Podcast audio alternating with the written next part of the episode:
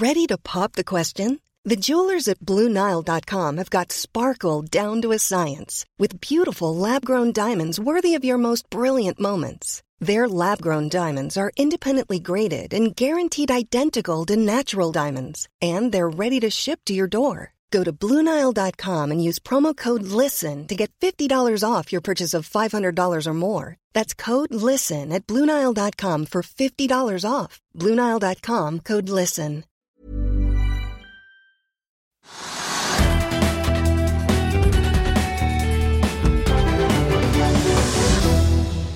Velkommen til Økonominyhetene. Det er blitt onsdag 27. april. Aker BP la fram kvartalstall onsdag morgen, og vi spurte konsernsjef Karl Jonny Hersvik om hvordan Kjell Inge Røkke reagerte på tallene. Vi har også med oss analytiker Jørgen Bruaseth i Nordea Markets med sine syn på kvartalstallene og hva han tenker om aksjen nå. Salaris var et av de 22 selskapene som la fram kvartalstall torsdag morgen, og vi har med oss administrerende direktør og gründer i selskapet, Hans Petter Mellerud, litt senere i sendingen. Men aller først litt om det som skjer på Oslo Børs og aksjemarkedet. Vi kan ta med oljeprisen, som er opp nå 0,3% og snuser på 78 dollar. 77 dollar og 86 cent i øyeblikket. Hovedindeksen på Oslo Børs er også opp 0,24% nå, til 1207,69. På børsen i Europa er det stort sett opp, men det er flatt i London, ned 0,03% Det er opp 0,2% i Frankfurt, 0,4% i Paris. I Milano er det opp 0,2% i Madrid opp 0,3 og Stox 600 er da opp 0,2% På børsene i New York så ligger det an til å åpne opp.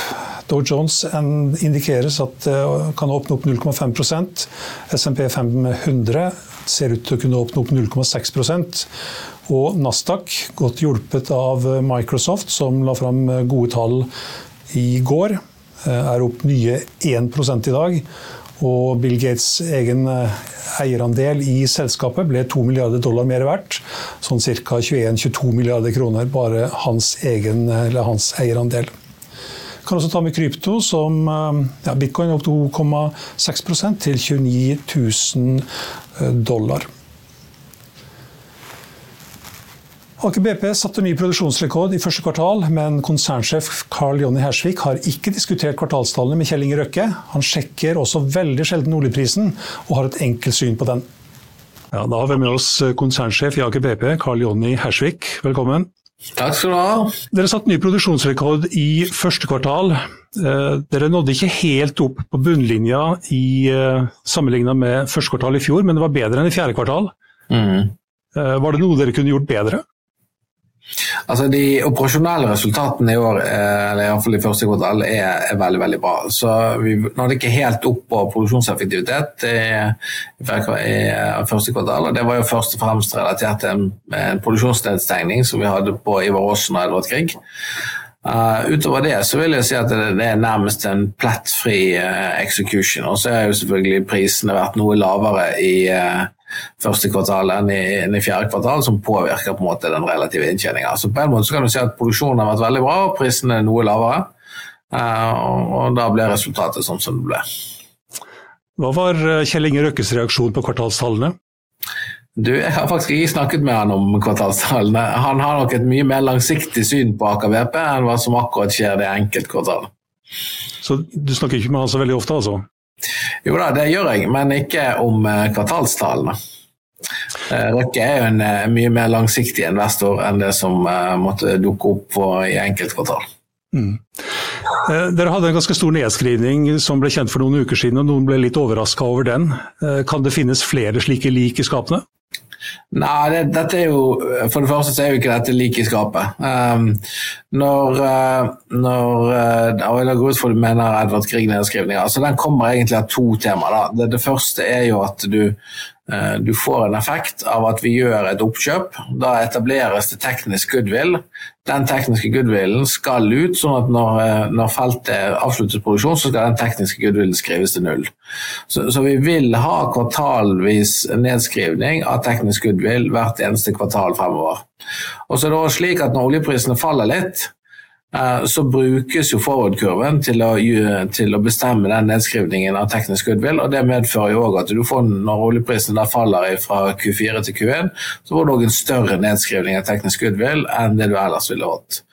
Og Den siste effekten er jo effekten av at vi tar ut eh, Trollhaugen med ca. 30 millioner fat av PUD-porteføljen som lå inne i Q4. og Det har jo òg en, en, liten effekt, men ikke så stor som den tekniske effekten. Vi har allerede gått inn i andre kvartal. Hva må dere gjøre, eller hva kan dere gjøre for å toppe første kvartal? Eh, ja, For det første skal vi gjøre mer av det vi allerede gjør. Eh, så Vi er jo mest opptatt av de tingene vi kan påvirke. og I dette tilfellet så er det å fortsette arbeidet med forbedringskulturen i Aker BP. Vi kommer til å jobbe, fortsette å jobbe med høy produksjonseffektivitet, høy planoppnåelse, redusere backlog av vedlikehold, optimalisere logistikk og alle disse industrielle prosjektene og forbedringsprosjektene som pågår. Og så eh, jobber vi jo ganske hardt med å få alle prosjektene våre eh, i, i, god modningstakt, for å si. Og så langt så går jo dette meget, meget bra, eh, så det kommer vi til å fortsette med. Så jeg tror egentlig at eh, min, min, ambisjon er å gjøre mer av det som funker i eh, annet halvår 2022, og har funka hittil i 2023. Uh, oljeprisen svingte jo mellom 88 dollar og 75 dollar i kvartalet, og dere realiserte en oljepris på 81 dollar. Mm. Uh, hvor bra er det i forhold til hva dere kanskje kunne oppnådd? Uh, nei, altså det er faktisk ganske spot on. Så jeg tror at vi vil ligge en dollar eller to over det som vil være normpris. der, som er på en måte den, eh, den, prisen som du skal forvente, og som skatten vil bli regna på i, eh, i, kvartalet. Så Vi slår normprisen dette kvartalet òg. Ja, og vi er allerede som sagt gått inn i det kvartalet her, og nå har vi sett en oljepris på ja, den har vært oppe i 87 dollar, og i dag så er den nede på 77 dollar. Mm. Eh, hvor ofte sjekker du oljeprisen? Veldig sjelden. Um, det, det, er stort sett når jeg går forbi en skjerm hvor Bloomberg er oppe. Uh, altså, jeg har veldig enkelt syn på det der, Sten Ove. Uh, jeg klarer ikke å påvirke oljeprisen. Ingenting er det jeg gjør eller organisasjonen min gjør vil påvirke oljeprisen. Uh, jeg har en ekstremt kompetent gjeng som driver sammen med BP driver med salg og er gode til å plassere lastene våre i, i det fysiske markedet. Og da bruker jeg tida mi på de tingene som jeg faktisk kan påvirke. Er du urolig for at oljeprisen kanskje kan falle ti dollar til? Nei, eh, det er jeg ikke. Altså, I denne industrien er vi vant til at oljeprisen går opp og ned. Eh, og Helt siden 2015 så har det vært Aker BP sin strategi å kjøre en robust strategi hvor vi har eh, god operasjonell performance, har store likviditetsreserver og stor evne til å assimilere variasjoner i oljeprisen. Så, så nei, det er jeg ikke bekymret for. Tusen takk for at du kunne være med oss, eh, Karl Jonny. Takk skal du ha. Ja, da har vi med oss analytiker Jørgen Bruaseth i Nordea Markets. Så velkommen tilbake, Jørgen. Takk for det. Eh, kvartalstallene til Aker BP, eh, var det noe som overraska der, eller var det alt i linje med det du hadde forventa? Nei, jeg vil si at uh, i, i brede trekk så er det jo veldig på linje med, med det vi, både vi og, og konsensus forventet. Uh, selskapet var jo ute med en oppdatering i, i forkant av kvartalet her også, så vi kjenner jo realiserte priser og, og volumer inn i rapporten. Eh, og Da har du jo derisket mye av, eh, av, utfallsrommet her. Og så er det klart det var knyttet litt forventninger til hva de ville si om eh, utsiktene for resten av året. Nå tror jeg vi har en viss respekt for at det er, det er tidlig på året og det er for tidlig å, å, å, begynne å justere for mye på guiden, så de opprettholder guidance på linje med det de guidet på i, i fjerde kvartal. Men jeg tror mange hefter seg ved at det har vært en veldig god start på året i forhold til produksjonsvolumer, hvor de leverer helt i den høye enden av guidance range for, for fullåret. Eh, man ser jo også at det er veldig godt tempo inn i andre kvartal. Eh, og så er det klart de har en del vedlikehold som skal tas i tredje kvartal, eh, så det, det, det er nok for tidlig å justere til på, på produksjonsguidance, men, men, vi ser jo det at de starter året på en veldig god fot, og, og håper jo også det kan komme positive nyheter på, på, på fullårsvolumene, kanskje allerede i forbindelse med, med andre kvartalsrapporten. Eh, Aker BP realiserte en oljepris på 81 dollar fatet, og Hersvik sier at de antageligvis ligger 1-2 dollar over normprisen. Hvordan vurderer du det?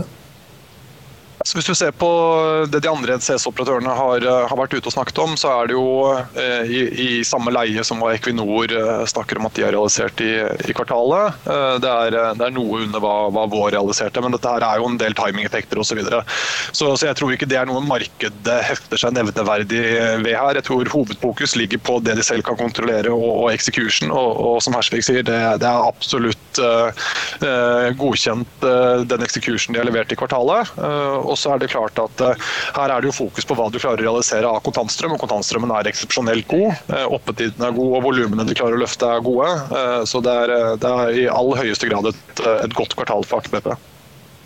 De kommer med en nedskrivning på, ja, som du meldte for et par uker siden. Er du urolig for at det kan komme noe mer i de kvartalene som kommer? Nei, så, som, som, Kalle også sier, dette her er jo en helt naturlig del av, eh, av uh, sakens natur når du har gjort uh, oppkjøp. Det har de vært veldig vokale rundt og kommunisert godt i markedet, så dette her vet vi analytikere fra, fra før av. Det har jo heller ikke noen kontantstrømeffekt, så, så i mine øyne er ikke dette her kursdrivende nyheter når det kommer også i fremtiden. Mm. Du, gjør du noe med, Justerer du noen estimater, eller gjør du noe med kursmål, eller noen ting, eller gjør du ingenting i det hele tatt? Nei, Nå får vi, får vi, se litt på hva vi regner oss frem til i løpet av uh, dagen. Men på konsensusbasis så tror jeg ikke vi kommer til å se store estimatrevideringer i bakkant av dette her. Uh, det er klart Hvis du ser på konsensusanslaget for produksjon, så ligger det omtrent på midtpunktet uh, av, av, de 430 000-460 000 fat per dag som de guider på på fullåret. Det kan kanskje være at man, man, kan se for at konsensus trekker seg opp i den, i den, øvre halvdelen, der hvor vi også ligger fra før av. utover det så tror jeg det er veldig marginale endringer endringer som skal gjøres på, på konsensusestimatene i bakkant av rapporten. Eh, Karl Jonny Hersvik kan si at han veldig sjelden sjekker oljeprisen. Hvor ofte sjekker du oljeprisen? Nei, Det kan vel tenkes at jeg sjekker den, eh, sjekker den noe oftere. Men det, det, det, er jo klart at eh, jeg tror hvordan selskapet blir bedømt, så blir det jo bedømt på, på, på hva de klarer å, å, styre selv. Eh, og så er det ikke til å stikke under en stol at det er ekstremt høy korrelasjon mellom prisingen av sektoren og, og, oljepris. Men hvis du regner på det tilbakelengs, så ser det jo også ut til at markedet priser jo inn oljepris som ligger langt under forward-kurven i dag. Så kan du prise Aker BP på, på Nav lik 1 så, så, trenger du kanskje tro på en oljepris i, i størrelsesorden 60 dollar eh, brent flatt eh, utover. og Det tror vi er et veldig konservativt anslag. Så, så det understøtter jo også det at markedet er, eh, er konservativ i prisingen her. Um, og, og, jeg er jo sånn sett også mindre bekymret for om vi skulle se 5 eller 10 dollar lavere brent fordi at lønnsomheten og break-even er såpass god i porteføljen her at du kommer fremdeles til å ha en ekstremt god avkastning på investert kapital, selv på, på, på, på både 65 og 70 dollar olje. Takk for at du kunne være med oss, eh, Jørgen. Takk for tiden. Da ruller vi videre. Vi kan ta med at Aker BP er opp 0,2% til 246 kroner og 40 øre. Vi kan også ta med at eh, vinneren eh, så langt i dag er Autostore Holding, som la fram bedre tall enn mange hadde venta i dag morges. Opp 21,4% til 24 kroner og 99 øre. Og her er det kanskje ja, Det kan være antydning til en shortskvis her, kanskje. Vi kan også ta med Nell, som er opp 14% også på bedre kvartalstall enn det som var venta. Og eh, Kongsberg Gruppen er også en av de aksjene som er eh, svakt opp blant de mest omsatte. Eh, etter å ha lagt fram bedre tall enn analytikerne ventet, opp 3-4% PGS faller 4% etter svakere tall enn venta. Subsea 7 faller rundt 2% også det etter å ha lagt fram kvartalstall. I tillegg merker vi oss at Norsk Hydro de ehm, hadde en ehm, oppgang på rundt 3% etter lansering av et samarbeid der råvaregiganten Glencore spytter inn 11,8 milliarder kroner i Hydros Brasil-portefølje. Etter mer enn seks år som administrerende direktør i Prosafe har Jesper Krag Andresen informert styret om at han går av, men at han vil fortsette i sin nåværende rolle til hans etterfølger er på plass. I Norske Skog eh, der er også en sjef som eh, slutter. Eh, aksjen faller 10 i dag. Eh, Førstekvartalstallene var svakere enn venta, og konsernsjef Sven Omutstedt forteller til Finansavisen at han ble bedt om å slutte. Og Det kan du lese mer om på finansavisen.no. Der finner du også alt om kvartalstallene til alle de 20 selskapene som la fram kvartalstall i dag, deriblant Autostore som nevnt, Nell Og Der kan du også lese om Ivar Tollefsens Heimstaden bostad, som startet 2023 med å gjøre en monsternedskrivning av eiendomsporteføljen. I regnskapet for første kvartal ble eiendomsverdiene skrevet ned med 13,5 milliarder kroner, og selskapet gikk dermed på et underskudd på 11,3 milliarder kroner i første kvartal. Etter en kort pause er vi straks tilbake, og da har vi med oss administrerende direktør i Salaris, Hans Petter Mellerud.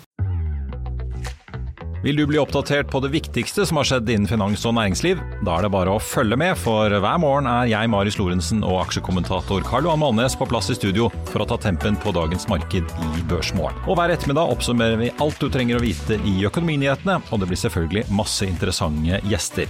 Klikk deg inn på fa.no-tv, eller søk opp Børsmorgen og Økonominyhetene der du hører på podkast.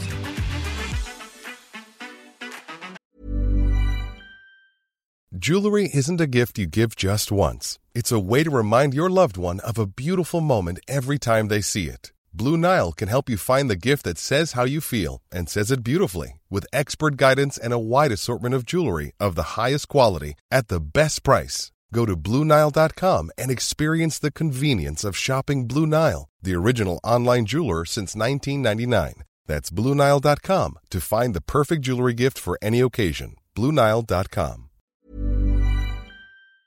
I'll see you in court. Vi sier det ofte litt på spøk, men for deg som driver business, er det aldri moro å innse at du ikke har laget en 100% gyldig kontrakt. Du bør ikke risikere hele firmaet ditt fordi du synes dette med kontrakter er litt stress. En avtale er ikke en avtale. Du kan miste kunder, miste venner, ja, til og med miste inntekter om du ikke lager en skikkelig kontrakt, på alt mulig, egentlig.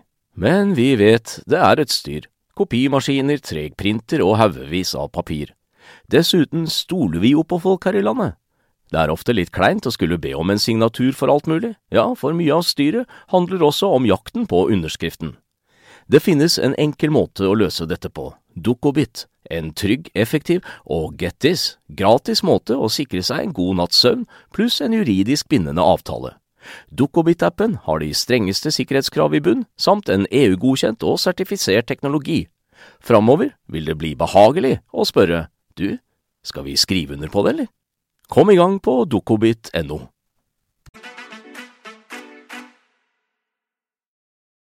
Ja, Vi kunne selvfølgelig også nevnt at eh, DNB la fram bedre enn tallet venta i dag. Aksjen den er imidlertid ned 1,4 nå, til 182 kroner og 65 øre. Da har vi med oss administrerende direktør i Salaris og gründer i selskapet, Hans Petter Mellerud. Velkommen. Takk skal du ha. Da du var her i 2014, da dere var akkurat børsnotert, det har skjedd mye i selskapet på ni år? Det har skjedd mye. Vi var jo her da tror jeg vi hadde rundt 321 millioner i omsetning. Nå er vi over tre ganger det. Vi, da var vi et nordisk selskap. Nå er den største delen av omsetningen, mer enn 80% faktisk, utenfor Norge. Ja, Det er nesten eh, kvartalsomsetning. Begynner å nærme seg årsomsetningen i 2014? Ja, stemmer. Så vi hadde vel en 261 millioner nå i kvartalet og ligger an til å passere godt over milliarden i inneværende år. Dere hadde det femte kvartalet på rad med all time high i omsetning. Ja. Hvordan, hvor kommer den veksten fra? Kjøper dere, eller eh, er den organisk? Nei, altså I all, hoved, all vesentlighet så er det organisk. Vi hadde noe basert på et lite oppkjøp vi gjorde i Tyskland eh, fra i fjor, men det aller vesentligste er organisk. Så vi har vunnet mange store nye avtaler, både nordiske kunder, som eh, Stora Enso. Vi vant en stor avtale med Metza, hvor vi skulle implementere løsninger for de 20 pluss land. Og nylig så vant vi en stor avtale med et Siemens spin-out uh, som heter Innomotics, hvor vi skal også implementere lønn i mer enn 46 land. Og med avtaleverdier som da lett tipper både 20 nå, og de siste opp mot 60 pluss millioner årlig kontraktsverdi, så blir det fort god vekst av det. Aker PP, er de kunde? De er kunde. Så det er veldig hyggelig å se at eh, gode kunder gjør det veldig bra. Du nevnte Tyskland, at dere kjøpte et selskap der, men eh, det skal dere selge igjen? Ja, du, ja, Det var et lite selskap som heter Vibel, som vi var litt sånn opportunistisk, som skjedde rundt nyåret i fjor. De strevde litt med en investor som forlot dem. Vi syns de hadde en veldig interessant løsning. Full digitalisert lønn, tid, reiseløsning for mindre selskaper, og tenkte du, det her ville være noe for oss. Men så ser vi at med det trykket som vi har i vår kjernevirksomhet, som er da å vinne de store avtalene, hvor vi lett kan vinne som sagt nå med Inomotics, en avtale som er 60 eller 50 ganger så stor som omsetningen i Viable på året, så er det bedre å bruke tiden sin på det. Det er det vi tjener mest på. Og det har også vært nøkkelen til noe av suksessen, er å fokusere på det vi er gode på. Mm, du var inne på det, men hva er egentlig kjernevirksomheten? Kjernevirksomheten er å tilby SAS-løsninger for lønn og personal, lønn og HR, for store selskaper eh, som eh, Eh, typisk har mer enn 1000 ansatte og opererer på tvers av landegrenser. Så I tillegg da til SAS så leverer vi en komplett tjeneste, spekter av tjenester, sånn at kundene slipper å ha egne lønnsavdelinger. Det gjør vi for dem. Mm. Er det kundene som gjør at dere også blir pressa ut i resten av verden? Vi kan ta en liten titt på hvor dere er til stede nå. Det er ja, himmel og hav, kan man nesten si. Dere ja, ja, altså, hopper til alle verdenshjørner. Jo, altså, I hovedsak så har vi fokusert oss om Nord-Europa Europa Europa, så målet er å være si, egendekkende med egne ansatte i alle europeiske land, EU da pluss selvsagt EØS, pluss alle G20-landene. Foreløpig så dekker vi 17 land selv.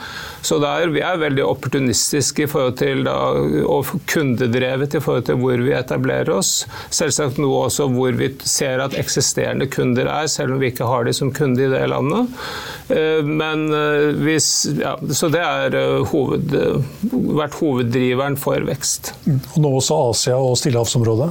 Stemmer. Så vi etablerte oss i APAC i Sydney i fjor, hvor vi også dekker nå fire land, Sydney, altså Australia, New Zealand, Singapore og Filippinene ut fra med, ja, Vi har 18 ansatte så langt da, i det, det, området, og fått også mange veldig interessante kunder. Hvordan kom Sydney på ja, kartet? Kartet vet vi jo alle hvordan det ser ut, men hvordan var det der?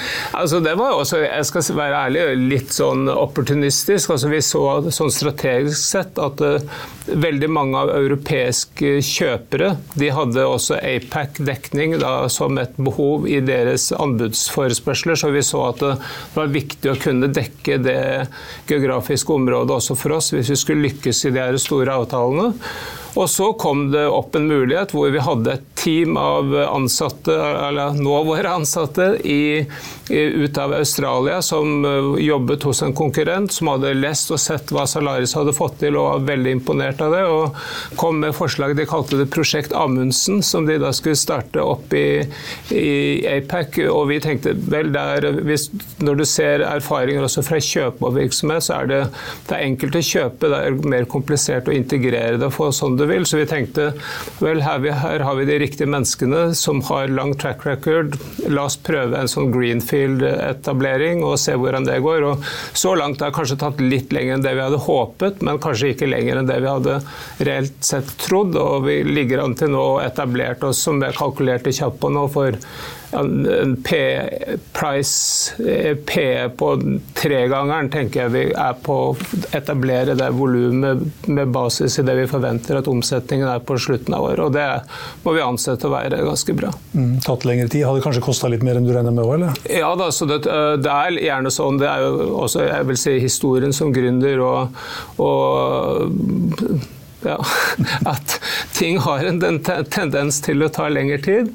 Men hvis man skal tro alt det verste alltid, så er det veldig lett å aldri starte med det. Så det er noen ganger det er bedre å hive seg på og så ta beslutninger, gjøre det, og så sikre at det man gjør blir riktig beslutning, enn å tvile for mye. Hvor mange ganger har du vært i Sydney det siste året? Ingen. Nei, men Det er også en av Det er faktisk en, en, så har vi et fantastisk team, men det er jo en av de store vil jeg si, fordelene etter eh, korona, etter covid. Vi har jo fått en utrolig eh, effekt av å jobbe digitalt. Vi jobber på Teams hele døgnet, og, Og vi har sparer masse reisekostnader, og vi kan operere gjennom hele verden som om det er et land i praksis. Og når vi i tillegg også kan tilby kundene systemer som er ett felles IT-system på tvers av alle landegrenser, sånn at man nå praksis opererer i realtid i alle de landene med alle lokale behov dekket, så ser vi at det her er fremtiden. Mm, utfordrende kanskje tidsforskjellen på 9-10 timer, men det ligger jo foran oss, så det går bra? Det er riktig, og er, så langt så er det stort sett de som har tatt uh, uh, ulempen med det, at de har mange sene nattetidsmøter. Mm. Hvordan finansierer dere veksten? Uh, vel, vi, Som en del av IPO-en i sin tid så hentet vi inn 50 millioner. Etter det så har vi også hentet, hatt en emisjon på 100 millioner for litt over et år siden. Og så har vi et uh, obligasjonslån som vi også tok opp for fem år siden, som vi nå også suksessfullt refinansierte i mars i år. Mm. Hvordan merker dere økende renter? Det er jo selvsagt noe som vi er nødt til å passe på, og, men vi har veldig god rentedekning sånn som vi, som vi, ser det. Men det er klart det blir mer krevende etter hvert som rentene går opp. Det er klart det var lett å eh, låne når rentene i praksis Vi har jo alltid euro, når de var da null, og, ja, null i utgangspunktet med da bare påslaget. Hva er den langsiktige målsetningen, visjonen? Dere passerer en milliard i omsetning i år. Er det viktig, forresten? Nei, men Det er jo alltid sånn med sånne milepæler. ikke sant? Det er, det, det er, jo idiotisk i utgangspunktet, men det å ha sånne mål og sette seg, det er tror jeg, viktig for å motivere alle og få liksom ut det siste. Så målet én er selvsagt nå å levere på det. To å levere på Eh, lønnsomhetsforbedringene som vi også annonserte i fjor. Så målet er ikke bare 1 eh, milliard omsetning, men det er pluss. Men også levere 100, altså 10 EBIT og 100 millioner pluss EBIT, og fortsette utover det. Men så langsiktig så ser vi at eh, allerede i dag så er vi sett på som en av de topp tre, fire, fem globale spillerne i vår, vår bransje. Og de to største er amerikanske selskaper, så vi mener jo at vi har et potensial til virkelig å være være i hvert fall en topp tre global aktør. og kan tenke på selv en stille stund. tenker jeg, ja, Vi har Hydro, Yara og andre, Telenor og andre store norske IT Altså store virksomheter. Så hvorfor kan ikke Salaris, med de kundene og de mulighetene vi har, bli en IT-tjenesteleverandør som lykkes på samme vis som det de har gjort? Driftsmarginen gikk fra 7,1% til 8,2% og så sier du at 10 er målet. Når er du på 10? altså Målet er at vi skal levere 10 innen utgangen av året. Så i fjerde kvartalet kan vi forvente 10% Ja. Mm. Eh, hvordan, eh, Jeg vil minne om aksjen. Eh, når ble selskapet etablert? I 2000. 2000? Ja. 23 år. Du har vært sjef hele veien? Det har jeg. Ja. Vi, vi, vi, kan ta en liten tur, titt på hvordan aksjekursen har utvikla seg siden dere gikk på børs. Ja. Det, det, ser ut som det er den styggeste berg-og-dal-banen vi har sett. Ja. Nei, det, nei, jeg må si det er jo en reise på godt og vondt. Altså, så Hvis man skulle bare sitte og se på den kursen dagen lang, så da, da, fikk man ikke gjort annet. Men jeg tror det, som jeg også hørte da, fra Aker BP tidligere, er man må tenke langsiktig. Det er nøkkelen til alt vi har gjort. og Det har vært fra dag én. Det er å tenke langsiktig. Som jeg sier, hvis du har misfornøyde kunder, whatever, så gjør hva det trengs for å gjøre dem fornøyd, for vi skal ha det i lang tid. Og Derfor også aksjekurs. Så i og med at vi ikke skal selge, så er det egentlig ett fett hva den er. Men det er ikke til å legge skjul på at det er kulere, og du merker deg mer humør i lokalet når eh, kursen går riktig vei, når vi føler at vi blir satt pris på i forhold til det vi gjør. Og, vi, og det skal litt til før vi egentlig syns det, men eh, ja, sånn er det. er morsommere når aksjekursen dobler seg eller når den faller 60-70 Ja, det, det, Du føler det er litt sånn som eh, Det er som jeg sammenligner og forteller enkelte. Det er når du jeg har vært med på Norseman noen ganger, og når du da løper opp, eller prøver å komme deg opp Zombiehill opp mot Gaustablikk, og du har Team Bob som står og heier oppe der, da får du skikkelig energi. Men hvis du har en som slår deg i huet der, så legger du deg ned. Og sånn føles det når kursen går i bånn, og ditto når den er på vei oppover. Ja, Du var inne på den ekstreme triatlon. Hva, hva, er det? Er det en egen triatlon, eller er det den, den vanlige altså vanlige Norseman? Ja, det er den vanlige norskmann. Ja. Helt til slutt, eh, Hans Petter. Hva gjør dere, og hva kan dere gjøre å, i forhold til å dra nytte av eh, kunstig intelligens og det som skjer rundt kunstig intelligens nå? Ja, altså, vi har selvsagt, eh, altså, jeg kan si For egen del så er jeg i utgangspunktet teknolog og kommer fra computer science. Jeg er særdeles interessert i teknologi, så vi har jo fra hva skal jeg si, tidenes morgen sett hva kan vi bruke teknologi til. Og det har vært en del av å lykkes i Salaris. Så kunstig intelligens, vi har sett på det en god stund, både det og machine learning. Og spesielt så ser vi kundeservice og kunne gi raskere og bedre svar til de som spør. Men vi ser det også som en mulighet til å konfigurere systemene våre riktig. Ta imot data fra kunder og riktig kategorisere f.eks. henvendelser. Automatisere eh, kategorisering av ansettelsesavtaler og eh, sjekke at systemene er riktig, identifisere feil tidligere i prosessen osv. Så, videre. så det er områder som vi ser på hele tiden. PT så har vi implementert det for kunder som en kombinasjon av en chatbot og en mulighet til å dele kompetanse gjennom løsningen vår som heter Sally, som er eh, støttet via, eller levert på basis av et også en annet norsk selskap som heter Boost AI, som også har vist seg å være veldig etterspurt, og som vi skal levere bl.a. til Siemens eh, Innomatics Worldwide. Norsemenn er ikke så veldig langt unna, er du klar? I år skal jeg ikke være med. I år skal jeg bare heie på alle de andre som sliter seg opp. Mm. Ja. Du er på toppen på Gaustatoppen, da kanskje? Ja, nemlig. Tusen takk for at du kunne være med oss, eh, Han Petter. Ja, ve veldig hyggelig. Tusen takk for at jeg kunne komme. Ja, da skal vi uh, rulle videre. Vi begynner å nærme oss slutten. I Finansavisen i morgen så kan du lese Trygderettens leder om tidligere generalløytnant Robert Mood, som burde vært sendt rett i kakebua om kraftig faresignal fra inkassogigant, om en klassisk short squeeze, om DNB som skor seg på rentegaloppen, og alt om dagens kvartalstall. Takk for eh, nå, må vi nesten si. Det var Økonominyhetene her på Finansavisen i dag, torsdag 24, 27. april. Vi legger eh, Ti selskaper eh, skal legge fram rapport for første kvartal nest i morgen. Deriblant Kitron, Yara, Skipsted, Elkem, Gjensidige, Tomra og Hydro. Vi er tilbake igjen her med Børsmorgen i morgen klokken 8.55. Da har vi med oss sjef i Folketrygdfondet, Kjetil Haug. Husk også at du får de siste nyhetene minutt for minutt på finansavisen.no. Mitt navn er Stein Ove Haugen. Tusen takk for at du så på og hørte på, og håper du er med oss igjen i morgen også.